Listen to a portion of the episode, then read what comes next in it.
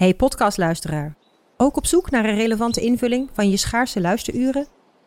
Tune dan in op de podcastserie ESG, even samengevat van BNP Paribas. Wij, Marloes en Aldert, spreken daar duurzame voorlopers en wereldverbeteraars. Waarover dan? Nou, bijvoorbeeld of we ooit duurzaam kunnen gaan vliegen. En waarom koeien in de stad nou een goed idee is? Dat en meer elke twee weken in een nieuwe aflevering. Dus abonneer je. ESG, even samengevat.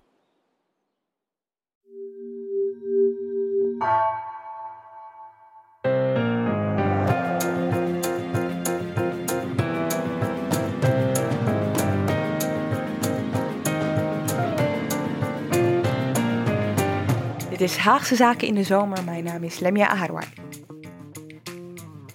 Het is reces in Den Haag. Het Tweede Kamergebouw is uitgestorven. Het kabinet werkt met zomerroosters. En wij bieden je de komende weken zomerafleveringen. Over onderwerpen die vaak zijdelings in Haagse Zaken worden besproken. Maar waar we nu eens goed de tijd voor willen nemen. De zorgen in Europa over een mogelijk gastekort groeien. En als dat gebeurt, is niet wettelijk geregeld wie dan wie helpt, waarschuwen energiedeskundigen. Weer problemen gisteravond bij het aanmeldcentrum in Ter Apel. Een aantal asielzoekers sliep buiten omdat er geen slaapplaats was. Voor het eerst zegt een grote groep vooraanstaande Nederlandse klimaatwetenschappers dat we de klimaatdoelen van Parijs om de opwarming van de aarde onder de 2 graden te houden niet gaan halen. In Amsterdam gingen mensen zondag massaal de straat op om van de overheid een oplossing te eisen voor de extreme woningnood. Vooral voor jongeren is de situatie uitzichtloos.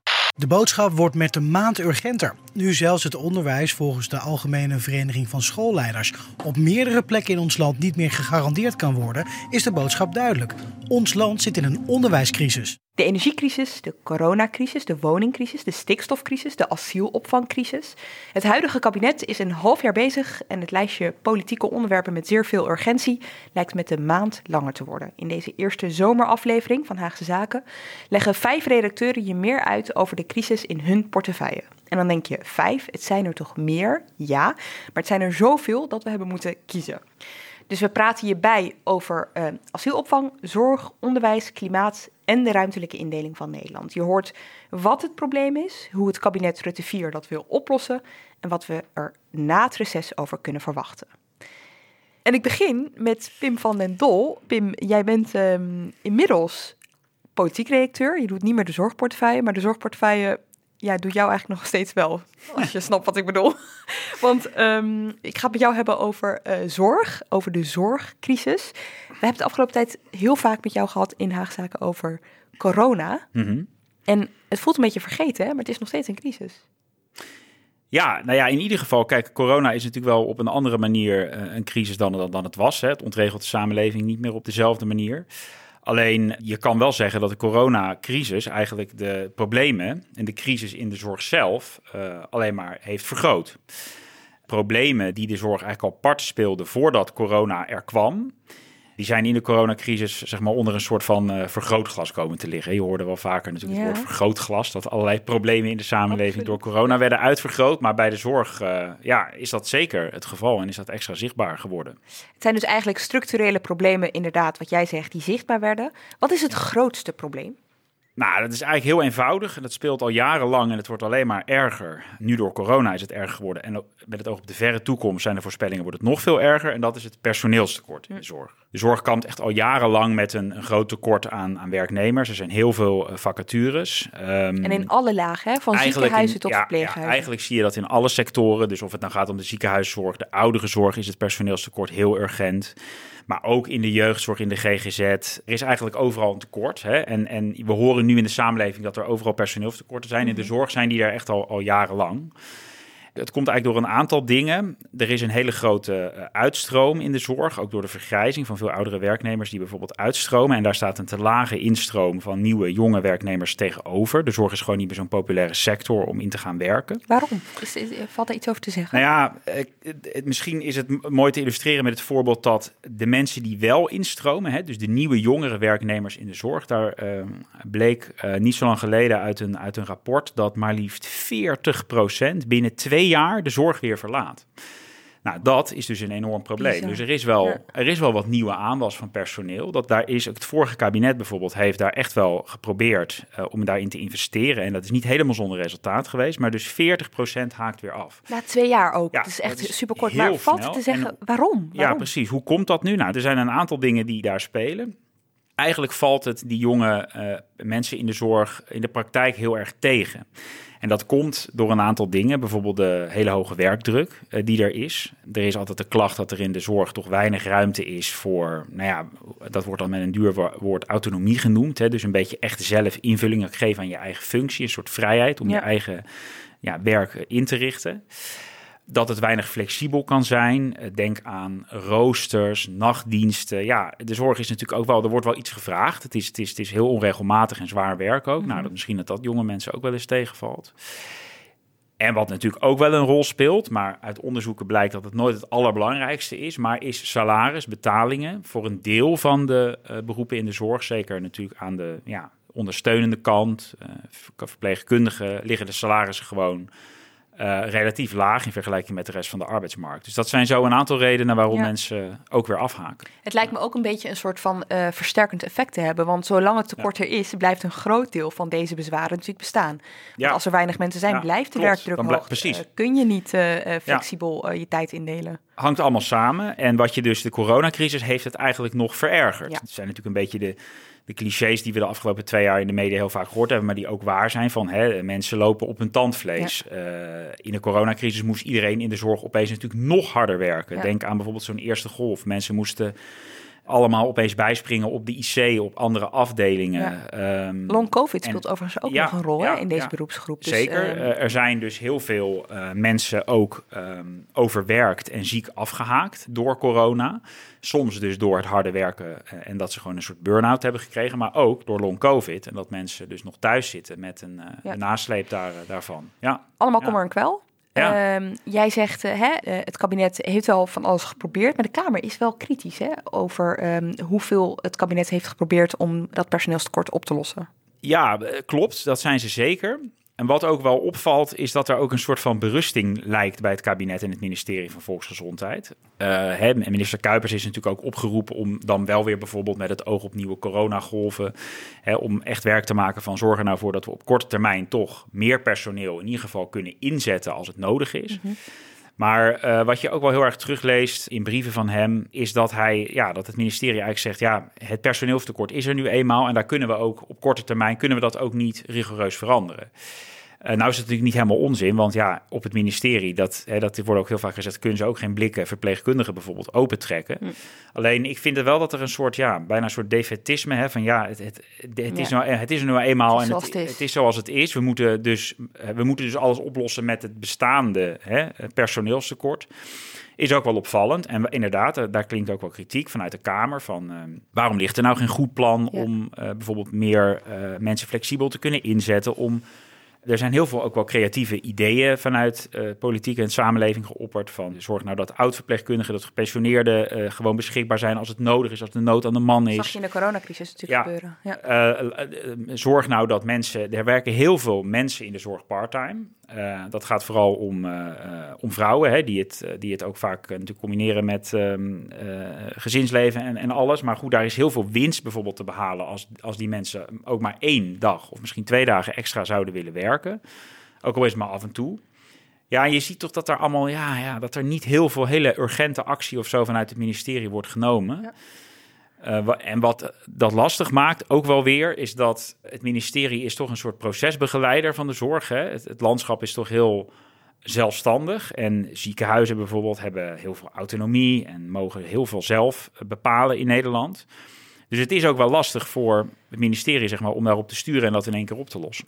Dus het personeelstekort is een van de meest acute problemen. eh, Meteen een van de meest lastige eh, om op te lossen. Ik kan me van eh, voor de coronacrisis nog herinneren dat eh, de stijgende zorgkosten regelmatig werden genoemd als een ja, vrij groot eh, probleem. Tijdens corona klonk dat wat minder, waren de, de zakken erg diep om iedereen van steun te, te voorzien. Hoe is dat nu? Begin jij die discussie weer een beetje te horen van ja, dit, er moet hier een eind aan komen en hoe snel het stijgt?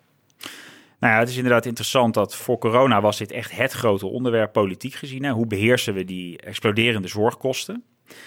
En inderdaad, tijdens corona was daar natuurlijk even minder aandacht voor. Want ja, als, als iedereen in de zorg de benen uit zijn gat loopt Ja. om het land overeind te houden, ga je natuurlijk niet over Ja. geld beginnen. Dat was het sentiment bij heel veel eh, politieke partijen.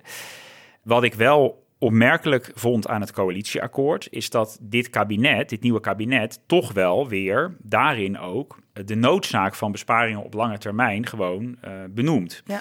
Dat is niet een hele populaire boodschap misschien. Maar ik heb nog even hier de, eh, een, een vergelijking qua eh, miljarden die we nu al uitgeven en, en hoe dat in de toekomst loopt als bij ongewijzigd beleid. En nu al liggen de zorgkosten boven de 90 miljard euro per jaar. Grootste, hoogste uitgavenpost op de nationale begroting. Eh, en het RIVM heeft eh, een paar jaar geleden al berekend dat als er niks verandert, dat in 2040 bijna zal zijn verdubbeld tot 175 miljard euro. Dus bedenk even dat, eh, hè, als bij, dat bij ongewijzigd beleid, dus als je niks verandert aan de kosten en de bekostigingen, de vergoedingen in de zorg, dat we bijna twee keer zoveel betalen binnen 20 jaar. En dat heeft onder meer te maken met bijvoorbeeld vergrijzing. Ja, hè? Dus ja, meer mensen ja. die gebruik zullen maken. Zeker, dat is een zichzelf eh, versterkend proces, omdat Nederlanders steeds ouder worden. De vergrijzing eigenlijk richting 2040 een soort hoogtepunt bereikt. En ja, eh, er zijn veel meer hulpbehoevende ouderen dan, die allemaal gebruik gaan maken van zorg. En die zorg in de laatste levensjaren van mensen is ook het meest duur. Dus eh, het ver- ver- bijvoorbeeld het verblijf in het verpleeghuis, de wijkverpleging, de thuiszorg aan huis. Daar zitten enorm veel kosten Ja. in. Zeker voor mensen die heel oud zijn, omdat die dus relatief heel veel zorg nodig hebben. Maar goed, het is tegelijkertijd een probleem waar je niet omheen kan. Ik bedoel, vergrijzing kun je nou, nou niet tegenhouden, weet je wel? Nee. En als je dat dan combineert, dus die, die kosten die alleen maar eh, gaan stijgen, met eh, een personeelstekort dat alleen maar eh, dringender wordt, hè, dat, dat steeds acuter wordt. Ja, wat belooft dat dan eigenlijk? Wel ja, Nou, dat betekent dus dat als je die twee, eh, als je daar niks aan kan doen, hè, of als je dat heel moeilijk kan bijsturen, dat betekent dus dat je, eh, terwijl steeds meer mensen zorg nodig hebben, je steeds minder mensen hebt om die zorg te leveren. Ja, en als je dat niet kan aanpakken, dan betekent dat eigenlijk dat je dus in de praktijk uiteindelijk gewoon minder zorg aan mensen kunt geven. Dus, dus die, eh, die discussie van moeten we alles blijven doen wat we nu doen? Moeten we alles blijven vergoeden ook, bijvoorbeeld wat we nu doen, hè, weer met het oog op de Ja. kosten. Die zie je wel dat het nieuwe kabinet ook probeert aan een te hele zwengelen. moeilijke politieke discussie eigenlijk. Zeker, hè? Kun je zeker. wel alle zorg blijven Ja. leveren of eh, Ja. blijven vergoeden? Of moet je op een gegeven moment zelf... eh, Mhm. Mooi voorbeeld is eh, eh, de, haar eigen eh, lange termijnvisie die minister voor Ouderenzorg Connie Helder vlak voor de zomer naar de Tweede Kamer heeft gestuurd. Want daarin schetst zij eigenlijk ook wel dat er dus iets moet veranderen. En dan ga- gaat het met name dus over die, over die ouderenzorg. Er zat een soort slogan in die brief van zelf als het kan over de zorg, thuis als het kan en digitaal als het kan. En ze bedoelt daar dus mee van we moeten een, naar een beweging dat er nou ja, minder automatisch dat alles van zorgverleners wordt verwacht. Bijvoorbeeld in het verpleeghuis, maar ook als mensen hier thuis wonen. Misschien moeten die meer zichzelf voorbereiden op zo'n toekomst, ook financieel. Misschien moeten ze meer de hulp inroepen van naasten en familie, eh, die soms nu het allemaal maar aan de zorg zelf overlaten. Eh, nou, het langer thuiswonen is natuurlijk een beweging die hè, ook minister Hugo de Jonge al, al echt probeerde in te zetten. Heel veel ouderen willen dat ook wel. Alleen het moet natuurlijk wel kunnen. Dus hè, als ze, ze moeten bijvoorbeeld een huis hebben dat, dat daar geschikt voor Ja. is. eh, waarmee ze, waarin ze ook goed oud eh, kunnen worden. Het doet me eigenlijk ook wel een beetje denken aan een eerdere discussie over de participatiemaatschappij. En dat leidde Ja. ertoe dat eh, heel veel verpleeghuizen hun deuren sloten. Hè? Want het idee was iedereen moet thuis wonen. Maar met de coronacrisis hoorde je meteen dat was eigenlijk helemaal niet zo slim. Want nu hebben we geen zicht op die mensen. Die allemaal thuis wonen, oud Ja. zijn, misschien wel eenzaam zijn. Waar misschien niemand naar omkijkt.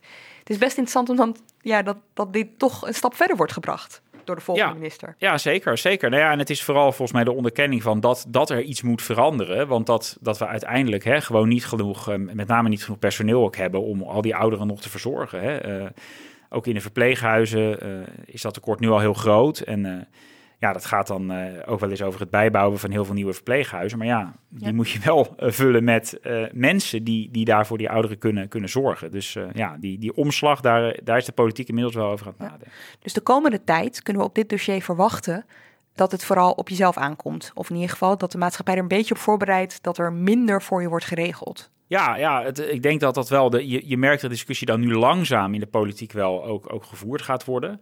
Maar dat dat zeker ja, voor de komende jaren uh, dat dat steeds meer aan de orde zal komen. En dat mensen gewoon misschien zelf meer moeten doen, zelf moeten organiseren in hun eigen omgeving, zelf meer moeten betalen. Hè? Ook bijvoorbeeld voor het verblijf in een verpleeghuis. Eigen bijdragen liggen in Nederland relatief heel laag, ook ten opzichte van bijvoorbeeld andere landen. Bijna alles wordt in Nederland vergoed. Voor ouderen op die leeftijd, ja, is dat nog van deze tijd? Is dat nog houdbaar? Dat zijn allemaal vragen die, uh, die opgelost moeten worden. En die politiek heel gevoelig uh, liggen. Ja, ja, want dat is misschien nog wel aardig of goed om te benadrukken. Bezuinigen of besparen op de zorg. Er is weinig wat politiek zo impopulair is. Want ja, het raakt heel veel mensen heel snel in hun, direct in hun eigen omgeving en persoonlijke leven. Aan kiezers eh, vertellen van ja, sorry, u, moet het allemaal zelf betalen. Of u moet veel meer, hè, dat speelt ook in de ziekenhuiszorg, medicijnen straks zelf betalen, behandelingen meer zelf voor betalen. Ja, dat is geen populaire boodschap. Kijken hoe ze die de komende tijd uh, gaan brengen. Dankjewel, Pim van den Dol. Alsjeblieft. En van de zorg gaan we naar het onderwijs. Vaak begin ik mijn lessen met een kleurrijk symbool. Een figuur die in één keer laat zien waar de lessen over gaat. Niet alleen leuk voor de kinderen, maar ook altijd met een serieuze boodschap. En vandaag ziet u hier een roze olifant staan. Patricia Veldhuis, redacteur onderwijs. Deze stem die komt mij bekend voor. Ja, dat kan kloppen, want jij hebt haar uh, gevolgd een aantal jaar geleden. Wij horen hier namelijk uh, Merel van Vroonhoven. Zij was ooit uh, topvrouw bij de Autoriteit Financiële Markten en is toen overgestapt naar het onderwijs als zij-instromer. En in dat jaar heb jij gekeken hoe haar dat uh, verging. Ja, van het inleveren van uh, eigenlijk alle privileges die ze had naar uh, het, het, voor een klas staan. Naar voor de klas staan en letterlijk je eigen theezakje meenemen. Want zo gaat dat vaak in het onderwijs. En um, het fragment dat je net liet horen, dat is van ruim een jaar geleden. Waarin Merel van Vrouwenhoven als een van de deskundigen in een ronde tafelgesprek in de Tweede Kamer zit. Daarin gaat het namelijk over de 8,5 miljard die het toenmalig kabinet uittrok om de coronacrisis in het onderwijs te bestrijden. Haar punt was: jongens, we hebben het hier over één heel belangrijk thema niet. Het onderliggende probleem in het onderwijs, en dat is het leraartekort. Je kan heel veel geld uitgeven, maar je hebt mensen nodig om het uit te voeren. Mensen voor de klas. Ja, het is een beetje eh, vergelijkbaar met waar ik het net met Pim over had. Hè. Daar hebben ze een, uh, enorm grote opgave, er moet heel veel gebeuren. Maar als je geen personeel hebt om dat te doen, dan wordt het heel erg lastig. Ja, en dat is ook wat scholen uh, op het moment dat het bedrag bekend werd, meteen zeiden tegen ons: ja, hartstikke mooi, maar geen idee wat we hiermee moeten. Ja. En de angst van toen is ook echt uitgekomen. Het tekort is alleen maar groter geworden. Ja, daar doelde zij op met die roze olifant dan op ja, tafel? zij haalde letterlijk zo'n uh, ja. grote knuffel uh, olifant uit haar tas en zette die pontificaal op tafel. Ik ben wel benieuwd, hoe groot zijn die tekorten eigenlijk? Heb je cijfers? Ja, ik heb cijfers. Er zijn recent weer nieuwe cijfers bekendgemaakt door de nieuwe ministers van Onderwijs. En het is nog groter dan in alle rapporten van de afgelopen 10, 20 jaar voorspeld is. We hebben het nu over ja, een kleine 10.000 voltijdsbanen in het basisonderwijs, 2000 uh, in het middelbaar onderwijs. Ook in het MBO begint het een klein beetje. Dat zijn nog niet zulke grote cijfers hoor. Maar zeker in het voortgezet en het basisonderwijs is het echt gigantisch. En iedereen merkt dat. Ik denk dat er geen ouder is op dit moment die niet uh, een brief van school heeft gekregen. Oh, uh, bereid je maar voor op volgend jaar dat het anders gaat dan we willen. Want we weten bijvoorbeeld dat 60% van alle schooldirecteuren heeft de formatie voor na de zomer nog niet rond. Dus en we zitten nu al uh, vlak voor de zomervakantie. We dus, zitten vlak uh, voor de zomervakantie, ja. Wat nog wel interessant is om erbij te vermelden, of wat het probleem eigenlijk alleen maar erger maakt, is die cijfers die jij net noemt, dat zijn FTE's, hè? Dus dat ja, zijn... dat klopt. Dat zijn voltijdsbanen. En uh, verreweg de meeste leerkrachten werken part-time. 65 procent of zo. En zeker in het basisonderwijs is dat aantal nog hoger.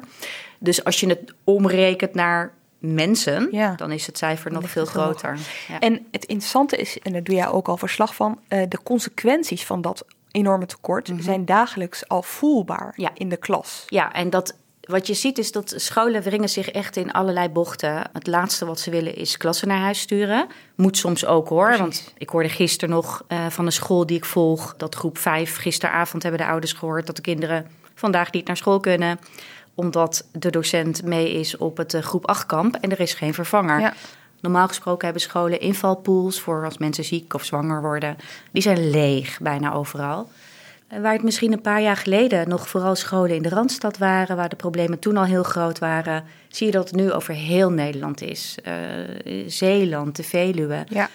En um, scholen proberen um, creatief te zijn. Hè? Mm -hmm. Ik hoor dan van mijn nichtjes en neefjes uh, dat ze bijvoorbeeld uh, bij elkaar in de klas gaan zitten. Dus groep 6 en 7 ja. samen, middag samen. Uh, onbevoegde voor de klas. Soms op vrijdag dan maar geen les. Ja. Um, maar het lijkt mij dat dat tekort, hè, dus die, die, praktische oplossingen die dan gevonden worden, dat die wel gevolgen hebben. Ja, die hebben absoluut gevolgen. Want als kinderen geen goede leerkracht hebben, dan, ja, heel simpel, dan leren ze gewoon niet goed genoeg. En dat betekent dat het onderwijs achteruit gaat en de kennis achteruit gaat. En dat is iets wat we de afgelopen nou, 10, 15 jaar een beetje hebben zien gebeuren in Nederland. Nederlandse leerlingen zijn gemiddeld genomen in internationale vergelijkingen gezakt als het gaat om lezen en rekenen. Met als een van de meest in het oog springende gevolgen dat van de 15-jarige leerlingen een kwart eigenlijk niet goed in staat is om een recept te lezen, een handleiding te lezen, wat, wat je dan functioneel ja. analfabeet noemt. Ja. En wat je daarnaast uh, ziet, wat deskundigen ook zeggen, is dat de kansengelijkheid uh, in het Nederlands onderwijs is afgenomen. Dat betekent dat het uitmaakt wat je ouders doen, of ja, waar je bent geboren eigenlijk, voor jouw kansen in het onderwijs. Wat we zien in het onderwijs nu is dat als je twee kinderen naast elkaar zet, zijn allebei even slim. Het ene kind heeft ouders die aan de universiteit hebben gestudeerd, het andere kind heeft dat niet. Of heeft misschien een migratieachtergrond, waardoor er thuis niet altijd Nederlands wordt gesproken. Dan zie je dat ook al zijn die kinderen even slim, even ambitieus, dat het kind met die ouders die gestudeerd hebben, gewoon veel meer kans maakt om zelf ook te gaan studeren. Vroeger uh, was onderwijs de gelijkmaker. De emancipatiemotor. Uh, ja. En, en, die motor, dat, dat, dat, start niet meer even goed Nee, die hapert echt ja. wel een beetje. Want wat je ook ziet, als ik dat nog even mag aanvullen... is dat dat leraartekort, dat slaat ook weer harder toe. Juist op scholen met wat ze dan noemen een zware weging... waar relatief veel leerlingen zitten uit wat zwakkere buurten... met een hogere werkloosheid, et cetera. Dus juist kinderen die het heel goed kunnen gebruiken, hebben er meer last precies, van. Precies, precies. En als we heel kort eventjes stilstaan bij, het, uh, bij de vraag die hieronder verscholen ligt... en waar, waar de kern van het probleem ja. dus terug te voeren is... waarom willen mensen geen leraar meer worden? Ja, dat is een hele lastige vraag, omdat het zo'n negatieve spiraal is geworden... dat je eigenlijk door de jaren heen hebt gezien... het vak wordt minder aantrekkelijk gevonden, want hoge werkdruk, want tekorten... Terwijl de vraag groter uh, is geworden eigenlijk. Want het leraartekort is uiteindelijk ontstaan door de vergrijzing. Er gaan gewoon steeds meer leraren met pensioen. Een hele tranche is. Uh... Ook weer parallel met de zorg. Ja, absoluut. Ja. ja, dat zie je natuurlijk in heel, ja, het hele personeelstekort nu. We hebben natuurlijk een hele moeilijke arbeidsmarkt op dit moment. En het leraarschap is niet meer zo cool. En als je dan kan kiezen, dan ga je iets anders doen. Dan word je manager. En het salaris is ook lang achtergebleven. Ja, dat is nu dan wel weer een beetje bijgetrokken. Nou ja, dat is afgelopen jaar zijn, zijn een paar hele belangrijke stappen gezet. Je ziet uh, waar heel lang om gevochten is, namelijk het verschil tussen het salaris voor een leraar op de basisschool en een leraar op de middelbare school. Dat is nu gelijk getrokken, verdienen evenveel. En uh, ze hebben een paar hele goede CAO-onderhandelingen gehad, dat ze er ook flink op vooruit zijn gegaan. Dus dat begint er beter uit te zien. En alle deskundigen zeggen daar ook altijd over: ja, oké, dat is eigenlijk een makkelijke knop om aan te draaien, hè, salaris. Dan ben je er nog niet. Daarna gaat het over wat, wat minder harde factoren, zoals de aantrekkelijkheid van het beroep. Ja. De werkdruk, het takenpakket dat steeds ook. Uh, uitgebreider wordt. Ja. Want het punt is een beetje, het probleem komt niet uit de lucht vallen. Het is wel een probleem van heel lang. Ik denk dat je, uh, als je NRC-edities van jaren geleden terugzoekt, dat daar ook al wordt geschreven over het lerarentekort. Ik ben wel benieuwd, zie je dat dit kabinet, Rutte 4, er anders mee omgaat dan voorgaande kabinetten? Ja, dat idee heb ik wel. En dat spreken ze zelf ook wel uit. Uh, vorige week uh, heb ik samen met mijn collega Frederik Weda minister Wiersma en minister Dijkgraaf geïnterviewd. En zij zeggen ook, alle inspanningen ten spijt van de afgelopen twintig jaar, het is gewoon niet genoeg geweest. Wiersma zei zelfs, we hebben het laten lopen als overheid. We hebben dit echt laten lopen. Dus dat vond ik wel een heel duidelijk teken aan de wand. Zij willen echt nu iets doen. Hoe? Wat? Nou, ze hebben vorige week een brief uh, naar de Kamer gestuurd. Ze hebben het dus ook niet, dat is ook wel verfrissend, uh, nog even over de zomervakantie heen getild. Uh, en dat is een brief die, waarin ze zelf aankondigen ook onorthodoxe maatregelen te willen nemen. En dat is ook wel zo. Noem eens een paar voorbeelden van die onorthodoxe maatregelen. Nou, er zijn een aantal uh, knoepen waaraan zij dan willen gaan draaien. Eentje daarvan is dat ze zeggen, nou, we willen gaan nadenken over een uh, voltijdsbonus. Dus leraar die gaan zeggen, oké, okay, ik ga gewoon vijf dagen in de week voor de klas staan. Die krijgen extra geld om dat aan te moedigen. Daar kan je van alles tegen inbrengen hoor, trouwens. Maar het is in elk geval een stimulans voor uh, bepaalde leraren, denk ik. Ze zeggen ook, en dat vind ik heel, nou ja, bijna revolutionair wij willen meer landelijke regie als het gaat om de rol van schoolbesturen. Scholen in Nederland vallen onder besturen. Je hebt soms besturen waar wel 50 scholen onder vallen. En die hebben heel veel uh, macht. Zij krijgen het geld, zij verdelen het geld. En Wiersma zegt: Ja, ik wil tegen die besturen kunnen zeggen dat ze beter personeelsbeleid voeren. Dat ze bijvoorbeeld moeten stoppen met het uh, uitdelen van hele kleine contractjes ja, ja. of van tijdelijke contractjes. Maar ook dat die besturen beter samen moeten werken.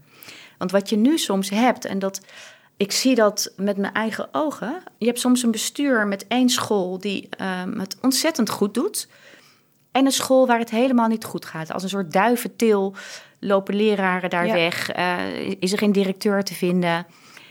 En Wiersma zegt: Ik wil echt dat een bestuur dan gaat zeggen tegen die school waar het wel goed gaat: ga elkaar helpen, ga elkaar ondersteunen. En dat vind ik best wel zeker voor een VVD-minister, vind ik dat heel uh, opmerkelijk. Meer bemoeienis dus. Meer bemoeienis, ja. meer landelijke aansturing. Dus er wordt wat gedaan aan ja. uh, dat uh, leraartekort. Er zijn voornemens, laat, laat, ik het zo formuleren. Dijkgraaf hebben jullie ook geïnterviewd. Hij gaat over het hoger en wetenschappelijk onderwijs. Ja. Toch even kort, ik denk dat dat ook wel een aflevering op zich waard is. Maar kijk, voor de coronacrisis stond het Malieveld hier keer na keer vol met wetenschappers, omdat zij zeggen, nou, de, de, de werkdruk ligt gewoon te hoog. Ja. Um, gaat daar ook iets veranderen? Ja, en dat was voor een deel wel aangekondigd, want uh, wat je zegt is waar. Ook daar speelt al jaren hetzelfde probleem, namelijk er zijn heel veel studenten bijgekomen, maar er zijn niet meer docenten en wetenschappers bijgekomen. Dus die druk is heel groot ja. geworden. is ook uitgerekend door PricewaterhouseCoopers een aantal jaar geleden al dat er eigenlijk structureel ruim een miljard tekort uh, is. Nou, dat miljard komt er nu. Dat heeft Dijkgraaf vorige maand uh, ook echt bevestigd en aangekondigd. Daar worden uh, vooral um, meer universitair docenten voor aangesteld. Dus dat zal de druk zeker verlichten. Hoewel natuurlijk ook weer mensen zijn die zeggen... nou, dat geld moet anders verdeeld worden, maar tot slot nog eventjes. Kijk, in de vorige, volgens mij hebben we daar in Haagse Zaken hebben we het ook wel eens over gehad. In de vorige mhm. kabinetsperiode werd er echt met veel onvrede gekeken naar Ingrid van Engelshoven, die toen uh, minister was van Hoger en Wetenschappelijk Onderwijs. Ook wel naar Arie Slop, die mm -hmm. uh, voortgezet en primair onderwijs deed. Zie jij ook in de sector dat er op een andere manier gekeken wordt naar uh, de huidige bewindspersonen? Ja, enorm. Sowieso zag je bij de benoeming van Dijkgraaf al heel erg oh wauw, dit is iemand van ons. Hij begrijpt uh, wat we nodig hebben. Hij werkt aan Princeton, hè? Ja, precies. Hij is een totaal gerenommeerd wetenschapper... die zich daar ook heel vaak over heeft uitgelaten... over het Nederlands wetenschapsbeleid op een kritische manier. Dus dat was een enorme opluchting... dat je bijna denkt, nou, laten we hopen dat hij die verwachtingen waar kan maken. En bij Wiersma zie je echt eh, ongelooflijk veel positieve reacties. Omdat hij echt op een aantal dossiers die soms al jaren slepen, ja, wel echt doorpakt. Gaan zien of ze het ook echt waar kunnen maken. Ja. Dankjewel, Patricia Veldhuis. Inmiddels is Eppo Keunig bij mij komen zitten. Welkom. Jij hebt ongeveer de breedste portefeuille hier in eh, Den Haag, denk ik. Uh, de ruimtelijke inrichting van Nederland. Een hele mond vol. Ja, ja precies. En um, begin deze maand was jij met Hugo de Jonge, minister voor ruimtelijke ordening en volkshuisvesting namens het CDA, in de Zuidplaspolder. Dat zit ergens tussen Rotterdam en Gouda. Het is dat het hier voor me staat, anders had ik het nooit geweten. Hoe ziet dat eruit daar? Groen. Vooral heel groen en uitgestrekt en laag. Het is het laagste punt van Nederland, ongeveer 6 meter onder NAP. En het plan is daar, het is een beetje een omstreden plan, om daar een grote woonwijk te bouwen met 8000 woningen. 8000? 8000, of een woonwijk. Het is eigenlijk gewoon een dorp. En wat deden jullie daar? Met andere woorden, wat heeft dit te maken met die crisis die op de woningmarkt, mag je niet meer zeggen. Volgens de ander moet je volkshuisvesting zeggen. Anyway, die zich daar bevindt. Hugo de Jonge was daar om eens te praten met de dijkgraaf en met wethouders van gemeenten om te kijken naar dat uh, bouwplan. We gingen ook nog eventjes naar Gouda, naar de wijk Westergouwen. Een mhm. klimaatbestendige nieuwe wijk in Oud-Hollandse stijl. Met een heleboel journalisten en een heleboel fotografen. En Hugo de Jonge deed het ook leuk. Die uh, stelde kritische vragen, maakte grapjes. Maar hij, stelde de vragen. Beetje, hij stelde kritische vragen. Hij ging echt in gesprek. En dat eh, werd ook gewaardeerd door ambtenaren en door, uh, door de dijkgraven enzovoort. Maar hij was er ook omdat het de dag was waarop een nieuw programma werd gepubliceerd. Mooi Nederland. En dat is eigenlijk het startpunt van hem, van dit kabinet, om de regie op ruimtelijke ordening weer te herpakken. Hugo de Jonge noemt dat zelf de grote verbouwing. Die moet gaan plaatsvinden tot 2050 en daarna van Nederland. En die grote verbouwing is eigenlijk het grote gevecht om de ruimte. Want Nederland staat voor enorme ruimtelijke opgaven en is eigenlijk maar een heel klein landje van uh, eh, 41.000 vierkante kilometer. Ik vroeg hem, Hugo de Jonge, hoe ziet die grote verbouwing van Nederland er dan uit? De, de, grote verbouwing bestaat eigenlijk uit de transitie van de landbouw. De landbouw zal extensiever zijn, uh, zal, uh, zal dus misschien wel meer ruimte in beslag gaan nemen, maar zij het dan met, met, met minder vee. Ehm, eh, we zullen meer ruimte moeten maken voor de natuur. We zullen meer ruimte moeten maken voor de woningbouw. We zullen ruimte moeten behouden, misschien wel meer ruimte maken voor bedrijvigheid, voor economie. We zullen de energietransitie zullen we de ruimte moeten geven. En nu ik deze zin met heel veel komma's aan het maken ben, hoor ik mezelf de hele tijd zeggen: meer ruimte voor dit, meer ruimte voor dat, meer ruimte voor dat.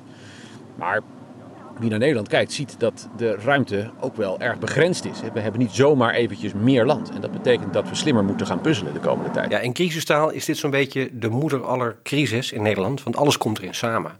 En het gaat uiteindelijk zelfs letterlijk om het voortbestaan van Nederland. Als je kijkt naar het mogelijke effect van een zeespiegelstijging.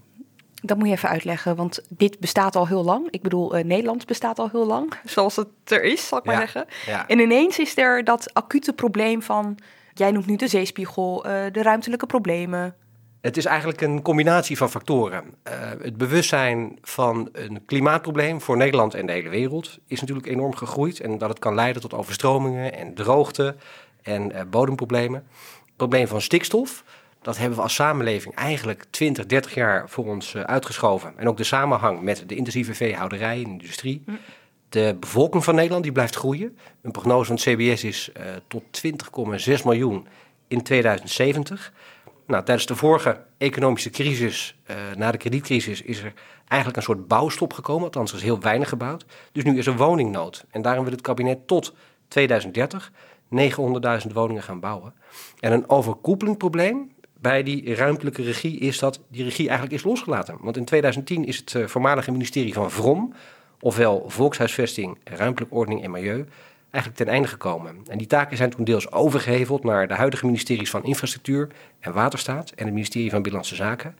Maar het idee van toen, 2010, was zo'n beetje, ja, Nederland is wel af en alles wat nog ingevuld moet worden, dat kan heel goed provinciaal, regionaal of lokaal.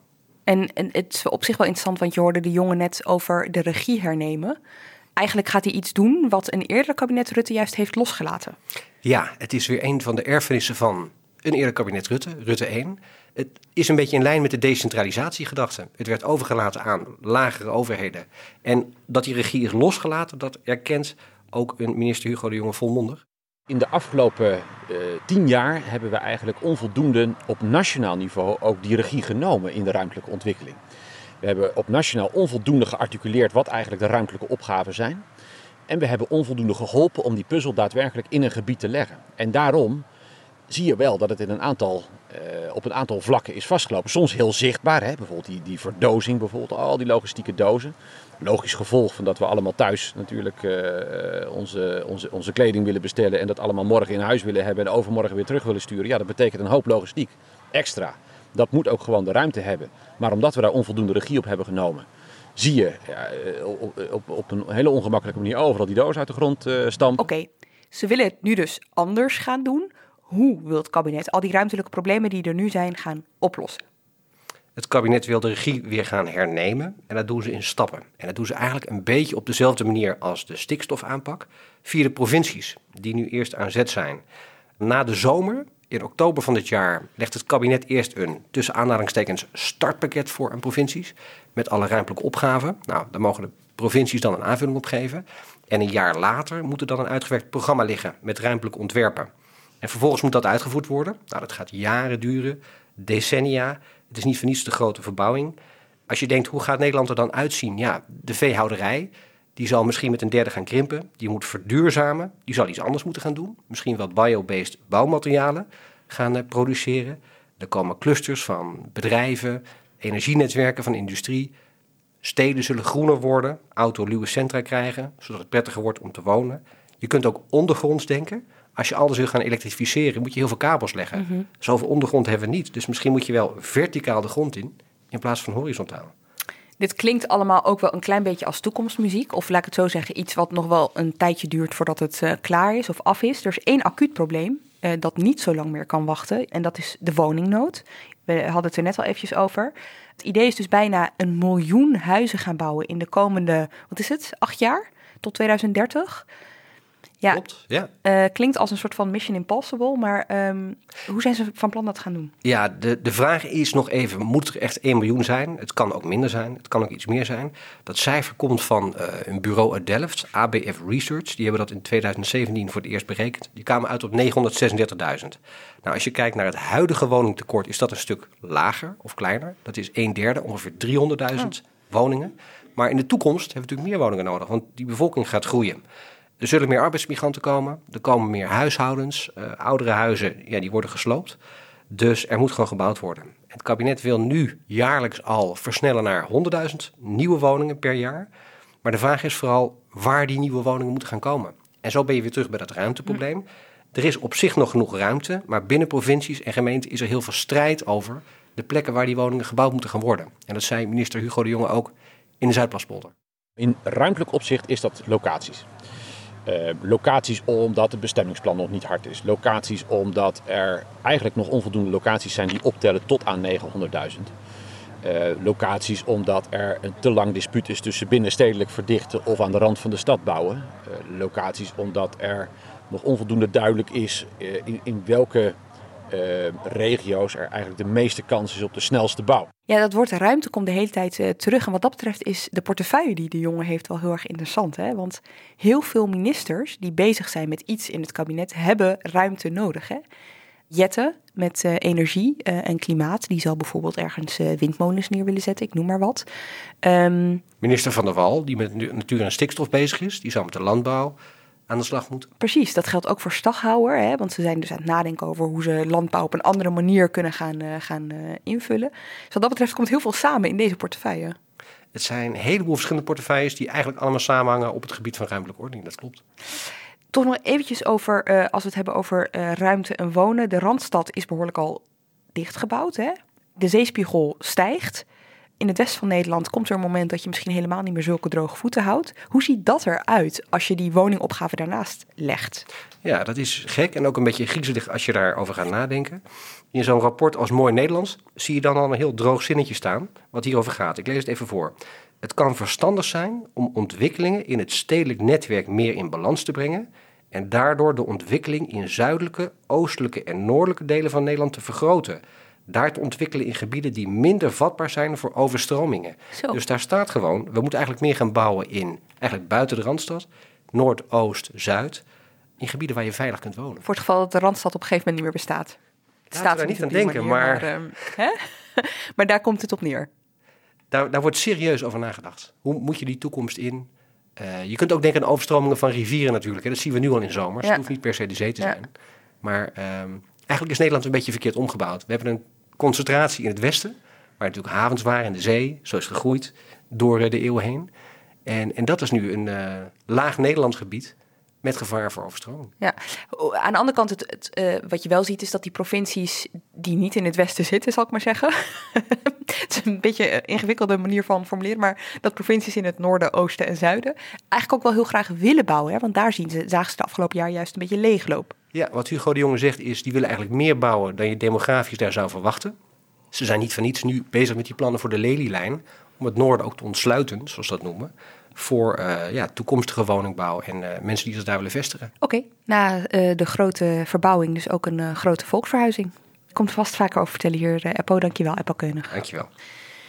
Bij mij aangeschoven is nu Erik van der Wallen, redacteur Energie en Duurzaamheid bij de Economieredactie. Bekende stem inmiddels wel een Haagse zaak, toch? Nou, dankjewel. Ja, dit is niet de eerste keer dat jij langskomt. En wij gaan het hebben over de klimaatcrisis. En het eerste wat we hier kunnen vermelden, dat is toch wel een positieve noot, is dat inmiddels iedereen wel doorheeft dat er sprake is. Bijna iedereen wel doorheeft dat er sprake is van een crisis. Ja, dat, uh, als je ziet wat, wat we allemaal voor nieuws op ons afkrijgen, dan is het in ieder geval leuk dat je daar nog een positieve noot uit, uh, uit weet te halen. Ik zit hier een hele aflevering, um, ja, het meest negatieve na het negatieve. Dus ik dacht, ik, ik probeer het met jou eens positief ja, heel goed. Ja. want als je naar het afgelopen half jaar kijkt, dan zie je dat met uitzondering van april alle maanden weer in Nederland weer een stuk warmer waren dan de afgelopen tijd. Januari, februari zelfs uh, bijna 2 graden.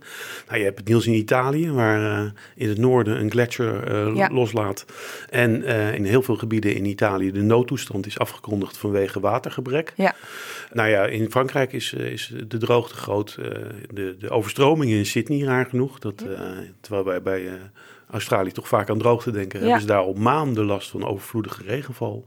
Dus ja, het is allemaal redelijk van de leg. Ja, een jaar geleden hebben we het natuurlijk hier in Nederland ook meegemaakt in Limburg met die, uh, met die overstromingen.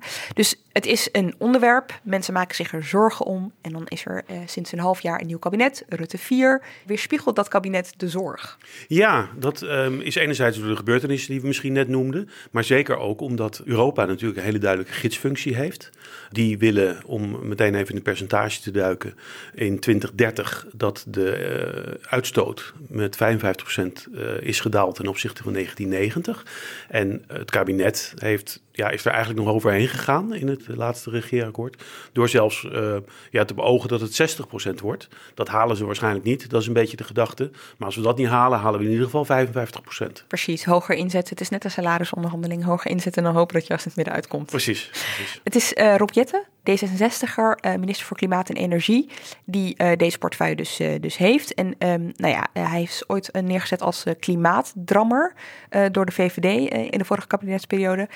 Heel veel naar hem luisteren forse ambities die ook nodig zijn, omdat, zoals u alle vandaag ook heeft aangegeven, klimaatverandering gaat eigenlijk sneller dan eerder gedacht. En dat is alarmerend. Niet voor niets trekken klimaatwetenschappers bijna wekelijks aan de bel. En de verschrikkelijke oorlog in Oekraïne door de Russische agressie heeft ook nogmaals de noodzaak vergroot om zo snel mogelijk onze afhankelijkheid van fossiel af te bouwen. Dit was uh, een van de laatste debatten in de Kamer voor het reces. Dat was in juni. En uh, daaraan, hij geeft ook eigenlijk aan dat de meeste partijen uh, de noodzaak zien. Niet alle partijen, maar de meeste partijen zien de noodzaak. En um, ja, dat, dat is een vrij breed front die uh, dat achter de doelstelling van het kabinet staat. Grote verandering van dit kabinet ten opzichte van eerdere kabinetten, um, en zeker als we wat verder de tijd ingaan, is dat um, de gedachte nu is meer sturing vanuit het Rijk. Dus minder overlaten aan bijvoorbeeld het bedrijfsleven zelf? Uh, tot vorig jaar was het eigenlijk zo dat uh, centraal het klimaatakkoord stond. Het klimaatakkoord was uh, weliswaar natuurlijk helemaal geaccordeerd door het kabinet en wat iets meer zijn, maar die was helemaal samengesteld door verschillende groepen, belangengroepen, milieugroepen, bedrijfsleven, lokale overheden of regionale overheden. De welbekende klimaattafels? De klimaattafels, waar Ed Nijpels leiding aan gaf. En wat heel duidelijk was, dat die kwamen wel met ideeën. En er, er kwam wel wat weerklank in, in Den Haag bij het Rijk. Maar de echte sturing, de regie die je dan toch eigenlijk zou mogen verwachten bij zo'n groot onderwerp, die ontbrak. En dat is bijvoorbeeld tekenend was dat bepaalde ministers uh, eigenlijk nooit uh, bij zo'n tafel die jij noemt, dus de, de tafel voor het verkeer mm -hmm. of de tafel voor landbouw, dat de meeste ministers eigenlijk daar nooit langs waren geweest. En ja, die haalden een beetje hun schouders op, werd wel eens badinerend bij het klimaatakkoord gezegd. Van, en die, die, die verscholen zich soms zelfs juist achter het klimaatakkoord van ja, dat is mijn pakje ja niet. En daar heeft Jette nu heel duidelijk een eind aan gemaakt. De ministers zijn daar af en toe gewoon aanwezig en zij zijn verantwoordelijk voor de voortgang op hun gebied. Dus dat geldt voor wonen, dat geldt voor landbouw, dat geldt voor het verkeer. En dat geldt ook voor het grote bedrijfsleven, waar uh, grappig genoeg de minister van Economische Zaken, dus op papier een beetje de baas van Jetten, ja. uh, Adriaansens, die is daarvoor weer verantwoordelijk voor. En in die zin heeft Jette ook een specifieke taak binnen het kabinet. Dat is bijvoorbeeld ook voor Van der Wal met betrekking tot de stikstofcrisis. Zij zijn coördinerend minister en mogen dus andere ministers uh, uitnodigen, zal ik maar zeggen, voor een goed gesprek. Ja. En uh, met hun de eh, de prestaties doorleven. Dus eigenlijk um, een soort van de verantwoordelijkheid is geïnstitutionaliseerd. Ja. ja. Oké, het Rijk stuurt dus uh, meer aan, neemt touwtjes in handen, maar dat zijn nog niet echt concrete maatregelen. Nee. Zijn die ook genomen de afgelopen maanden? Door nou, ze zijn in ieder geval voorgesteld. Dus er komt een enorm wetgevingsproces aan, uh, omdat natuurlijk alles in wetgeving gegoten moet worden. Dat kost natuurlijk tijd. Het kost tijd bij het ministerie, bij de Raad van State, bij de Kamer. Dus dat uh, wordt allemaal ruim na de zomer, uh, om het positief te zeggen. En ook volgend jaar. Ook, ook, ook, het moet ook natuurlijk de geesten in de achterbannen van de betrokken partijen moeten er ook rijp voor worden. Dat is de politieke kant. Ja. En dan ook nog eens de bestuurlijke kant. Ja. Ook de lokale overheden, de provincies, de gemeentes, die moeten ermee eens zijn. Die hebben ook weer een eigen rol. Uh, het geldt ook voor uh, bedrijfsleven, noem alles maar op.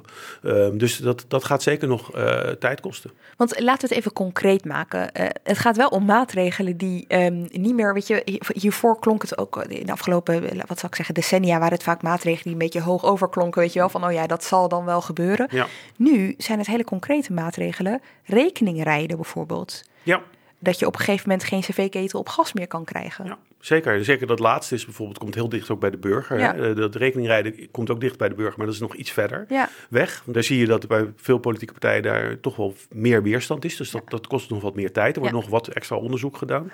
Uh, maar dat, is altijd de, dat, dat, is altijd de uitstelregel. Precies, precies. Maar die, die warmtepomp uh, die uh, de cv-ketel uh, moet gaan vervangen, die hybride warmtepomp, dat is gewoon heel concreet vanaf 2025. En je ziet bijvoorbeeld ook, vind ik ook wel een mooi voorbeeld, dat als jij een auto gaat leasen, waarschijnlijk, uh, het is nog niet helemaal definitief, maar na 2025 uh, kan je geen auto meer met een verbrandingsmotor leasen. Uh, dus bedrijven zijn, zijn dus eigenlijk verplicht. En die qua prijs is dat tegen die tijd ook gewoon heel gunstig om een elektrische auto Ja. aan te bieden. Dit komt op ons af, zal ik maar zeggen, eh, qua maatregelen. Ja. Even heel concreet naar na het zomerreces. Hè? Wat is de plan van aanpak? En nou, er is een, een plan van aanpak gekomen in uh, dit voorjaar van Jette met al deze maatregelen. Mhm. En dat zijn er bij wijze van spreken uh, nou, uh, meer dan tien. Grote, belangrijke maatregelen die soms op korte, voor de korte termijn zijn. Als die warmtepomp is natuurlijk redelijk, ja, dat, dat, is, dat is niet heel ingewikkeld Ja. zal ik maar zeggen. In de praktijk wel, maar qua regelgeving. Maar er zijn natuurlijk ook hele lange trajecten noodzakelijk met betrekking bijvoorbeeld dat men wil dat er meer warmtenetten komen. Hè, stadsverwarming. Dat betekent dat jij niet meer een, een, een eigen cv-ketel hebt op gas, maar dat jij gewoon uh, warmte via uh, de leiding krijgt. Bijvoorbeeld de uh, warmte van de lokale afvalverbrander, die, wat dus extra gebruikt wordt, of van de industrie. Ja. En, maar zo'n zo'n aanleggen van zo'n van zo'n warmtenet, dat, dat vergt allerlei regels met gemeentes, met, met de aanbieder. Van, want je, bent, je zit natuurlijk vast aan een bedrijf, dus je moet ook beschermd worden als consument. Dat is een ontzettend ingewikkelde discussie. Dit, dat loopt al jaren. Dus dat is niet van vandaag op morgen geregeld. Dat wordt echt later. Datzelfde uh, iets als de, de zonnepanelen, hoe de subsidie daarvoor wordt geregeld. Dus het zijn allemaal wel, di wel dingen die, uh, die vaak zijn, is de beslissing, of de principebeslissing is vaak al genomen. De richting is duidelijk, maar het moet wel worden uitgewerkt. En dat kost gewoon tijd, hoe graag Jette of wie dan ook ook wil. Precies, want dit is interessant. De ambities zijn groot, groter dan de Europese uh, uh, ja. ambities. Uh, de maatregelen zijn best concreet en ingrijpend. Ja. Maar gaat alles ook volgens plan? Uh, nou ja, je ziet bijvoorbeeld, um, een van de maatregelen die al bestaat, is dat um, kantoorpanden die worden verhuurd, die moeten minimaal uh, energielabel C hebben.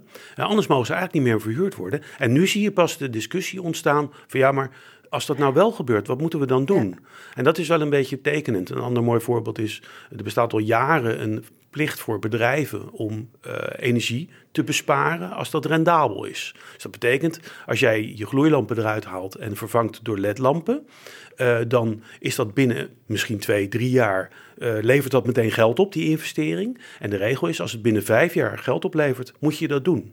Er is nooit controle geweest. Oh, en nu gaan ja. uh, bepaalde instanties met lijsten langs bij bedrijven en die zeggen: hé, hey, die gloeilampen die kunnen er wel uit, want dat levert je binnen twee jaar, zeg maar wat, levert dat geld op. Je ziet ook dat het ook in bestuurlijk opzicht moet het ook um, moet, moet, je ook een soort draai kunnen maken en, we, en, dat we het normaal vinden dat dingen ook gebeuren als we worden voorgesteld, of dat, uh, dat het ook wordt gehandhaafd. Dus voor een deel zit het in een soort van um, um, ja, bestuurlijk zoeken van uh, wat is er al en hoe, hoe, ja, hoe, gaan we hoe voeren we dat uit? Hoe, hoe, gaan ja. we dat voor elkaar? Ja. Voor een deel is het ook gewoon de wereld die het kabinet overkomt. De oorlog in Oekraïne, het steeds meer dichtdraaien van de Russische gaskraan.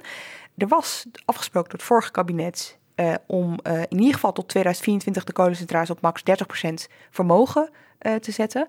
Rob Jette moest uh, daar onlangs een mededeling over doen. Ik vraag me af, is Rob Jette nog een gelukkige minister? Nou, op dat moment uh, niet. Ja. Dat ging hem echt te harte. Ik bedoel, er werden ook meteen uh, foto's getwitterd van Jette die bij een, een kolencentrale staat. En er werd bij gezegd, die gaat dicht. Of, Precies, een paar jaar geleden. Dus dat, ja. ja. Maar ja, hij heeft natuurlijk gratis een, een, steeds erger wordende klimaatcrisis. Heeft hij daarnaast ook nog eens een, een gratis een energiecrisis bijgekregen.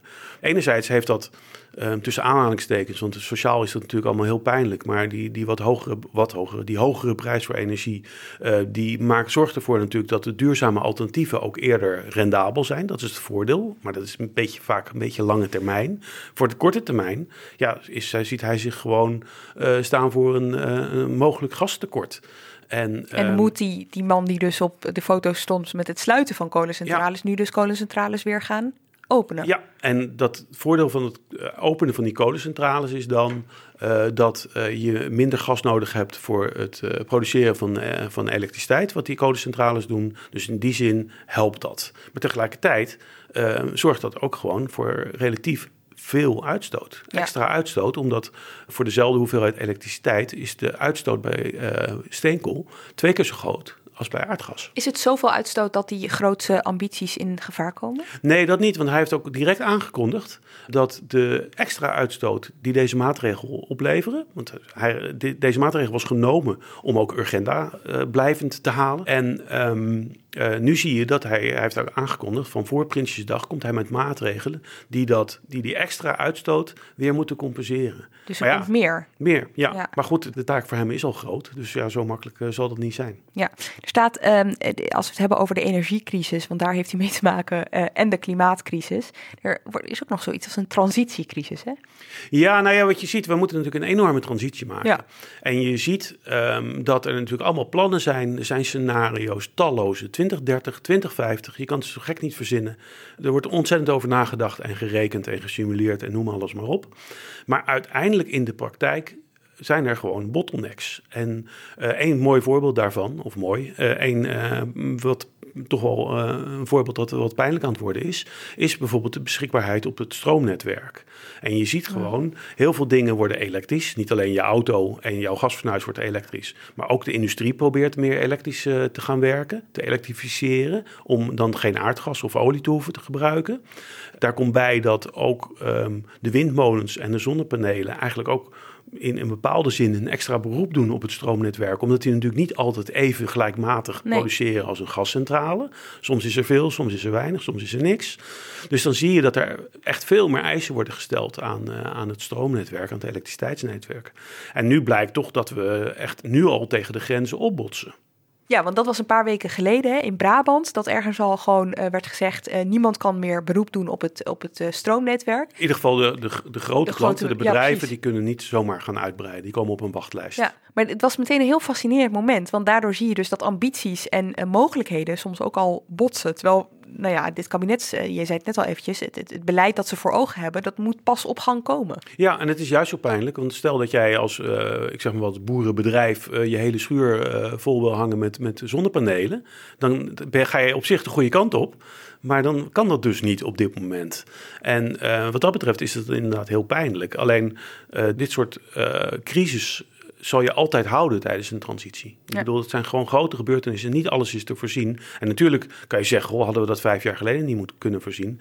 En het probleem is ook dat veel uh, problemen binnen die energiewereld, binnen die energietransitie, ook gewoon ontzettend complex zijn. Het kost gewoon 10, 12 jaar om een nieuwe hoogspanningskabel aan te leggen. Dat is uh, qua vergunningen, technisch, noem alles maar op, inspraak, alles. Dus als er een probleem is, is dat ook niet zomaar even te verhelpen. Tot slot, uh, als we even teruggaan naar dit kabinet en om precies te zijn de minister die hier verantwoordelijk voor is, uh, uh, Rob Jetten. Wordt het de komende tijd, denk jij, meer voor hem balanceren tussen zijn twee portefeuilles, dus klimaat en energie?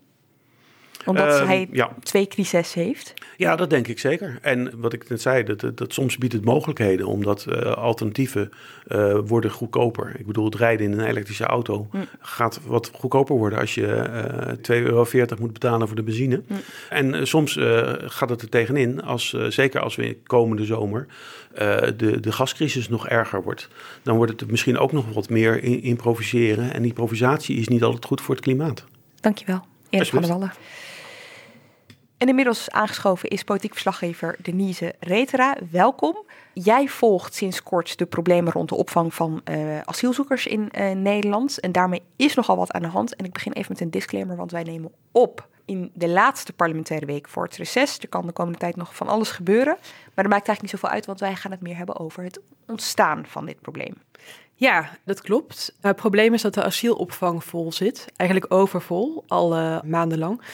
En de afgelopen weken begon je dat echt ook heel goed te merken in de media. We kregen steeds persalarmen dat eh, asielzoekers op stoelen moesten slapen in aanmeldcentrum Ter Apel en in tenten. Ook één avond en ochtend hadden ze geen eten en drinken gekregen. Dus toen werd het echt steeds urgenter. En eh, volgens staatssecretaris Erik van den Burg van Asiel en Migratie was eh, die ochtend en eh, avond ook echt de, eh, de druppel, meer dan de druppel die de emmer deed overlopen. En toen heeft het kabinet besloten om het uit te roepen, de asielcrisis, tot een nationale crisis. We hebben vandaag besloten de crisisstructuur in werking te zetten. Dat hebben we eerder gedaan voor de opvang van Oekraïnse vluchtelingen. Om ervoor te zorgen dat we twee dingen bereiken. Eén, dat die constante dagelijkse crisis rond Ter Apel, eh, dat we die oplossen. Maar nog belangrijker, dat we de komende maanden ervoor zorgen dat die duizenden mensen die al lang weg hadden gemoeten uit die asielzoekerscentra, dat die er ook weggaan. Eh, dat die naar iets van huisvesting gaan. Dat ze allemaal heel bescheiden worden, vrees ik. Eh, zodat ze ook snel de slag kunnen. Hier hoorde je Mark Rutte. Een nationale crisis, wat houdt dat dan precies in? Het is deels symbolisch natuurlijk, om ook aan Nederland aan te geven en vooral aan de betrokken partijen van hé, hey, er moet nu echt iets gebeuren. En wat er concreet gebeurt is dat er verschillende niveaus wordt er, wordt er overlegd. En belangrijk daarbij is dat het departementaal overstijgend is. Dus je hebt eh, verschillende overleggroepen die elke week overleggen. Het hoogste niveau dan, zeg maar, is een groep waarbij eh, verschillende ministers en staatssecretarissen zitten. Waardoor je dus het probleem op veel meer vlakken meteen kan aanpakken. Dus ehm, je hebt bijvoorbeeld Hugo de Jonge die er ook bij zit, omdat hij minister van Wonen is. En natuurlijk is wonen ook een probleem dat het asiel eh, probleem verergert. Mensen zitten in een, in, ja. een, in een centrum en kunnen niet doorstromen, want er zijn geen huizen waar ze kunnen Ja, gaan wonen. precies. Ja. En dus Hugo de Jonge zit erbij, wie nog meer? Nou, sowieso is Hielkes natuurlijk, de minister van Justitie en Veiligheid. eh Erik van den Burg, eh, de staatssecretaris van Asiel en Migratie. En ook bijvoorbeeld de minister van Financiën, van Defensie, van Sociale Zaken en Werkgelegenheid. Kaag Ollongren van Gennep. En de NCTV zit er ook bij, die coördineert ook eh, die crisisstructuur, zeg maar. Dat is de Nationaal Coördinator Terrorisme en Veiligheid. Bestrijding, ja. Nou ja, dat zijn wel ongeveer de belangrijkste betrokkenen. ehm, En zo'n en zo'n crisisstructuur kennen we natuurlijk van de, van de coronacrisis. Hè? Ik bedoel, eh, toen kwamen ze ook zo'n beetje iedere week eh, bij elkaar. En dat leidde dan steeds tot een persconferentie. Met die overstroming in Limburg hebben we het meegemaakt van vorig jaar. En met de opvang van Oekraïnse vluchtelingen. Ik blijf nog een beetje hangen bij wat je net zei. eh, die asielzoekers die dan eh, in tenten of eh, stoelen moesten slapen bij, bij Ter Apel. Kun je iets uitgebreider ehm, beschrijven wat deze crisis nou inhoudt? Dus met andere woorden, hoe, is het, hoe kon het zover komen? Het is een crisis die. Nou ja, de, de rechtse partijen zullen zeggen het is een instroomcrisis. Dus de instroom van asielzoekers is te hoog. Eh, linkse partijen zeggen er zijn te weinig opvangplekken. Het is maar een beetje hoe je het bekijkt natuurlijk. In ieder geval zijn er te weinig opvangplekken voor eh, de hoge instroom van asielzoekers. En daar is eigenlijk al ehm, heel lang voor gewaarschuwd. Door bijvoorbeeld het COA en de IND dat dat zou gebeuren, omdat het aantal opvangplekken flink afgeschaald is na de uh, vorige asielcrisis in 2015 door de Syrië-oorlog. Nou ja, toch is het bezuinigd en zijn, uh, zijn er dus minder plekken sindsdien gekomen, zijn afgeschaald. Oké, okay, dus de oorzaak van die crisis is aan de ene kant het aantal mensen dat asiel zoekt in Nederland. Dat is dus hoger dan verwacht. En aan de andere kant het aantal opvangplekken, dat is lager dan nodig is. Ja. De vraag die er toch een beetje boven blijft hangen is, had het kabinet dit niet kunnen zien aankomen? Uh, ja, en het COA en die IND die worden gefinancierd zelfs op basis van de verwachte aantallen asielzoekers en huidige uh, bezette plekken. Mm -hmm. Maar dat is lastig, want je moet dan steeds opschalen en afschalen op basis van die verwachte aantallen en bezette plekken. En dat kan gewoon niet zo makkelijk. Ja, je merkt nu hoe moeilijk het is om gemeenten ervan te overtuigen om asielzoekers op te vangen. Je moet dan ook uh, een locatie hebben, uh, personeel. Dus nou ja, afschalen is makkelijk, maar opschalen ja, niet. Ja, want dan moet je weer mensen gaan overtuigen dat het belangrijk is dat er in hun regio, in hun stad, in hun wijk uh, mensen worden opgevangen. Oké, nou eind juni ehm, gingen de veiligheidsregio's, uh, dat zijn dus, uh, de- we hebben een paar van die regio's in Nederland. ehm, 25, ja. 25, die gingen akkoord met een crisisplan om dit op te kunnen lossen. Ja, klopt. Het is eigenlijk opgedeeld in drie delen, waarvan ehm, het laatste deel over de lange termijn gaat. En dat is nog niet echt concreet gemaakt. Maar op de korte termijn moesten er 225 noodopvangplekken per veiligheidsregio komen. Eh, dat is dus toegezegd. En eh, nou ja, dat zijn ze dus nu aan het regelen. Ook moeten er de komende weken al zogenaamde tussenvoorzieningen komen voor statushouders. Het zijn dus mensen die eigenlijk geen uh, vluchtelingenstatus meer hebben, maar die al statushouder zijn. Ja, klopt. Ja, ze hebben dus een verblijfsvergunning, maar nog geen, uh, nog geen huis. Een beetje een gekke term tussenvoorzieningen, want eigenlijk moet je dan dus ook daar weer een locatie voor Ja. vinden. Maar het idee is dat dat iets makkelijker gaat. En dat, dat je dan dus die statushouders kan, kan laten uitstromen uit de asielzoekerscentra. Want er zijn nu uh, meer dan 14.000 statushouders in de asielopvang. En dat is een derde van de hele capaciteit van de asielzoekerscentra. Dus die mensen zitten op dit moment in de asielopvang, terwijl ze daar eigenlijk niet horen te zitten. Nee, dat zijn ze moeten eigenlijk plekken die zitten. leeg zouden moeten zijn voor uh, de nieuwe instroom. En deze mensen zouden eigenlijk gewoon in een huis moeten wonen. Ja, precies. Maar dat is heel moeilijk vanwege de wooncrisis, de andere crisis. En het idee is dus om tussenvoorzieningen uh, te faciliteren. En dat kunnen uh, leegstaande kantoren zijn, oude scholen, schepen, van alles. Om daar dus, um, nou ja, vanuit daar voor hen te kijken naar huizen. En dat zij dus weer plek vrijmaken in die asielzoekers. En dat moet eigenlijk ook komende weken eigenlijk al gebeuren. Dus op vrij Ja. korte termijn. Eind juni is gezegd de komende weken. Dus uh, daar wordt nu aan gewerkt als het goed is. Ja. Oké. En dan moeten er nog uh, grote tijdelijke noodvoorzieningen komen. Ja, op de iets langere termijn. Ja, uh, de komende drie maanden. Voor elk duizend uh, asielzoekers. Hoeveel noodvoorzieningen dat zijn, weet ik niet. Maar ze zeggen dus enkele. Dus enkele en dan per voorziening voor duizend asielzoekers. Ja, dat moet dus ook weer een grote verlichting uh, bieden. Maar dat is dus heel lastig om uh, daar bereidwillige gemeenten voor te vinden. Ja, dit is allemaal op vrij korte termijn. Ja. Lange termijnplan Ja. Um, moet nog concreet worden. Maar in ieder geval moeten er nie- drie nieuwe ter apels tussen aanhalingstekens komen. Dus Ja. eh, de, de plekken waar mensen zich in eerste instantie aanmelden en eh, kort verblijven. Dat is de bedoeling in ieder geval. Hoe werkt dat? Zijn die plekken al aangewezen? Ja, er is nu één uh, kandidaat um, voor een uh, nieuw aanmeldcentrum, namelijk in Band, in de Noordoostpolder in Flevoland. En het werd een beetje gepresenteerd in de eerste week van juli als, uh, nou ja, dat gaat er sowieso komen. Al een paar uur daarna kwamen de berichten naar buiten dat die gemeente er helemaal niet op zit te wachten. Ja. Dus dat gaat nog lastig worden, want er is nog geen wet die gemeente kan dwingen om asielzoekers op te vangen. Dus het is echt afhankelijk van de bereidwilligheid van, van Band, eigenlijk, van Noordoostpolder. Dit staat natuurlijk wel een soort van symbool uh, voor het probleem waar het kabinet dan ook nog mee te maken heeft. Dus je hebt zeg maar de, de, het acute probleem van je moet mensen nu opvangen. Mhm. Maar je hebt ook nog eens het probleem dat je uh, regio's ervan moet overtuigen dat het bij hun in de achtertuin moet. Ja, ja. dat is eigenlijk het allerlastigste eraan, ja. ja. En Van den Burg die heeft de afgelopen tijd al iets bedacht om verlichting te bieden. Maar dat was dus niet genoeg. Dus daarna werd de crisis uitgeroepen. Mhm. Maar dat idee, uh, en dat gebeurt nu ook, is een uh, soort relatiesysteem. Waarbij elke twee weken vier veiligheidsregio's om de beurt dus opvangplekken maken voor um, zo'n 600 asielzoekers in totaal. En uh, dat om ter apel te ontlasten. En als we eventjes helemaal teruggaan naar um, ja, de, de, de kern, zou ik maar zeggen. We hebben het steeds over mensen die asiel zoeken in Nederland. Het lijkt wel alsof deze crisis met de komst van Oekraïners ineens heel acuut werd of zo. Over wie gaat het nou eigenlijk? Niet over Oekraïners dus, want um, het heeft in principe niks met elkaar te maken, ja, omdat zij dus onder um, uh, Europese regels vallen, waardoor zij niet als asielzoekers zijn aangemerkt en ook niet plekken in de AZC's uh, bezet houden. Dus dat um, heeft eigenlijk niks te maken met deze crisis. Wie er nu nog steeds vooral veel komen zijn Syriërs en Afghanen. Dat is eigenlijk al jaren zo. Nog steeds de grootste groep. En daarna mensen uit Turkije en, en Jemen.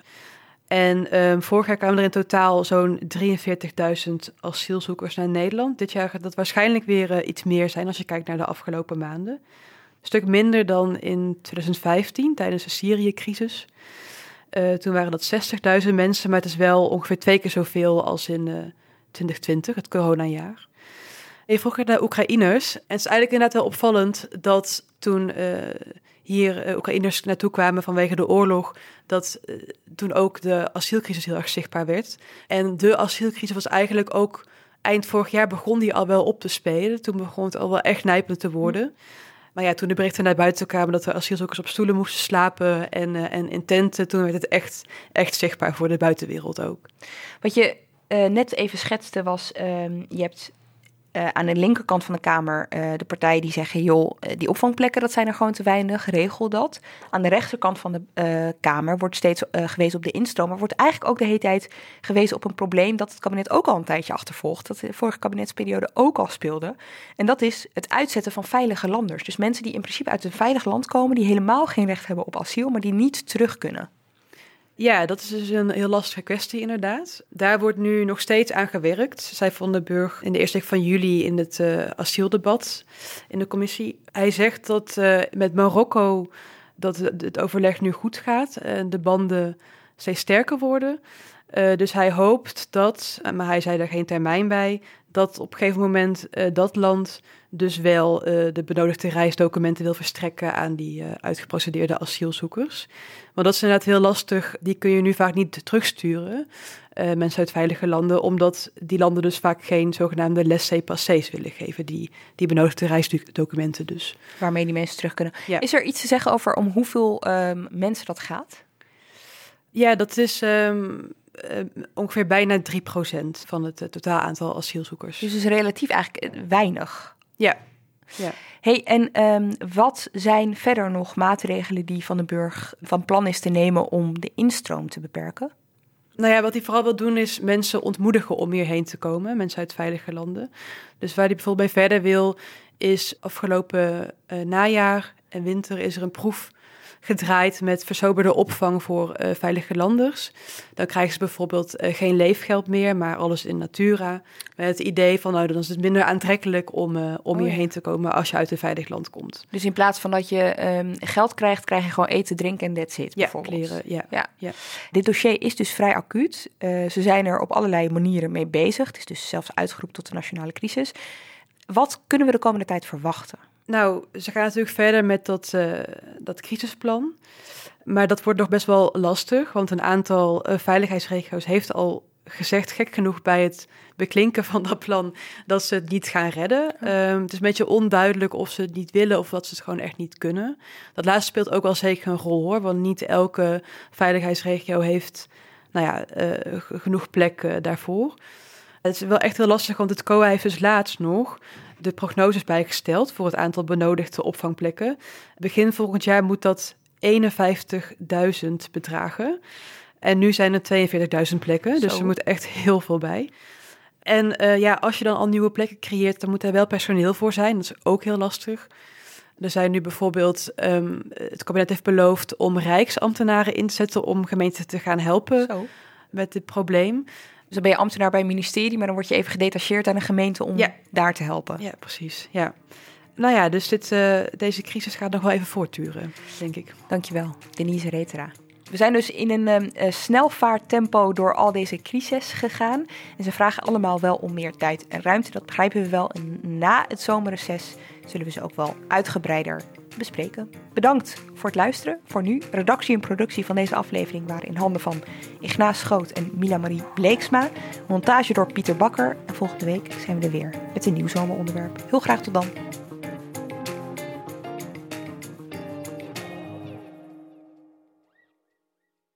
Technologie lijkt tegenwoordig het antwoord op iedere uitdaging. Bij PwC zien we dit anders.